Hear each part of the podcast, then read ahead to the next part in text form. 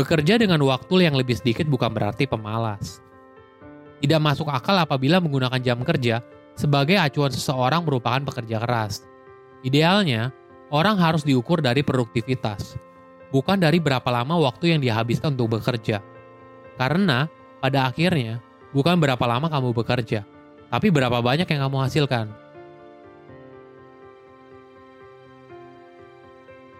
Halo semuanya, nama saya Michael. Selamat datang di channel saya, Sikutu Buku. Kali ini, saya akan bahas buku For Our Work Week karya Tim Ferriss. Buku ini bercerita bagaimana kita bisa menjadi orang yang efektif dan didukung teknologi yang ada pada masa ini. Menurut saya, buku ini bukan untuk semua orang, tapi memberikan cara pandang hidup yang berbeda dan fokus bagaimana kita bisa menjadi lebih efektif.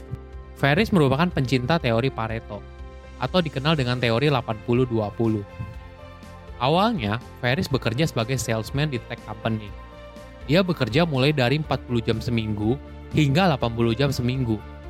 Walaupun gajinya oke, tapi pekerjaan ini menyiksa dirinya. Ferris pun mulai bertanya-tanya, apakah hidup seperti ini? Apakah kita bisa hidup dengan cara lain? Akhirnya, Ferris memutuskan untuk pensiun dini dan mempraktekkan 80-20 dalam hidupnya. Buku ini berisi bagaimana Ferris menerapkan 80% produktivitas berasal dari 20% waktu yang dia habiskan. Itulah alasan dibalik bekerja 4 jam seminggu ala tim Ferris. Ferris membagi cara menjadi efektif dalam 4 langkah. D. Define. Definisikan apa yang kamu mau. Semua berawal dari mimpi. Definisikan apa yang kamu mau dalam hidup dan mulai menulis bagaimana cara untuk mendapatkannya. Jangan fokus pada pemikiran bahwa untuk menjadi kaya harus kerja mati-matian. Mungkin sebenarnya kita tidak ingin jadi kaya. Kita hanya ingin gaya hidup orang kaya yang kelihatannya penuh kebebasan dan bisa melakukan apa aja yang dia mau.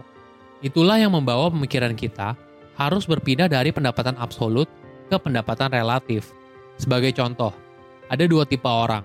Si A merupakan karyawan yang digaji 10 juta per bulan tapi dia harus bekerja 10 jam sehari selama lima hari dalam seminggu. Sedangkan si B merupakan freelancer yang mempunyai pendapatan rata-rata 8 juta per bulan, tapi dia hanya bekerja 6 jam sehari selama lima hari dalam seminggu. Pertanyaannya, apakah pendapatan si A lebih besar daripada si B? Coba kita hitung berapa pendapatan yang mereka hasilkan dalam sejam. Dalam sejam, si A menghasilkan 9.090, sedangkan si B menghasilkan 12.121. Jadi, siapa yang pendapatannya lebih besar? Kedua, eliminate. Eliminasi hal yang kurang penting. Melakukan hal yang tidak penting tidak akan menjadikan hal itu penting. Tidak peduli berapa jam yang kamu habiskan untuk mengerjakan hal tersebut. Fokus pada 20%. Jika dalam bisnis, fokus pada 20% konsumen yang berkontribusi pada 80% penjualan. Eliminasi juga aktivitas yang kurang penting, seperti main sosmed, dan meeting yang panjang tapi nggak jelas. Ada lagi yang bisa kamu lakukan, seperti misalnya, buat aturan hanya cek email dua kali dalam sehari. Hal ini untuk mencegah kita terganggu saat mengerjakan hal yang benar-benar penting. Ketiga, E. Automate, automatisasi dan delegasi. Ada dua poin penting untuk menjadi orang yang efektif. Eliminasi dan automatisasi atau delegasi.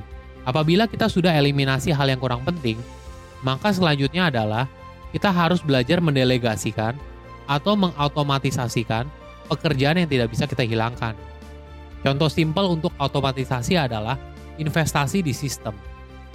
Apabila kamu punya bisnis makanan, investasilah di mesin kasir. Jadi, kamu tidak akan menghabiskan waktu untuk menghitung penjualan secara manual lagi. Dan kamu juga bisa mendapatkan insight barang apa aja yang paling laku, cara pembayaran apa yang paling disukai, jam berapa yang paling rame, hari apa saja yang paling banyak pengunjung, dan sebagainya. Apabila ada hal yang tidak bisa diautomatisasi, maka langkah selanjutnya adalah delegasi. Mungkin bagi sebagian orang, delegasi adalah hal yang menakutkan. Tapi, saya percaya, kita tidak bisa mengerjakan semuanya sendiri.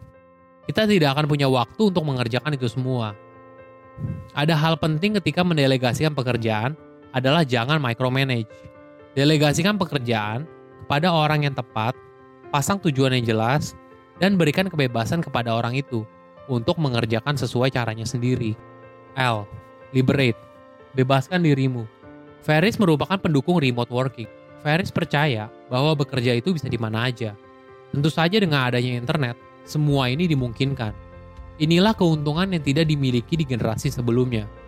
Sebagai contoh, apabila kita remote working di Amerika Serikat dan tinggal di Indonesia, ini adalah hal yang ideal, di mana kamu bisa mendapatkan penghasilan sebesar orang yang bekerja di Amerika Serikat dengan living cost yang jauh lebih hemat, yaitu di Indonesia.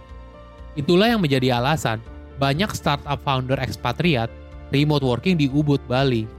Selain cost of living yang relatif lebih murah, hal lain yang menjadi nilai plus adalah lokasi yang jauh dari perkotaan, pulau yang kaya akan budaya, dan pemandangan yang indah. Bekerja dengan waktu yang lebih sedikit bukan berarti pemalas. Tidak masuk akal apabila menggunakan jam kerja sebagai acuan seseorang merupakan pekerja keras. Idealnya, orang harus diukur dari produktivitas, bukan dari berapa lama waktu yang dihabiskan untuk bekerja. Karena, pada akhirnya, bukan berapa lama kamu bekerja, tapi berapa banyak yang kamu hasilkan. Silahkan komen di kolom komentar, insight apa yang kalian dapat ketika baca buku ini. Selain itu, komen juga, mau buku apa lagi yang saya review di video berikutnya. Saya undur diri. Jangan lupa subscribe channel YouTube Sikutu Buku untuk versi animasinya. Bye bye.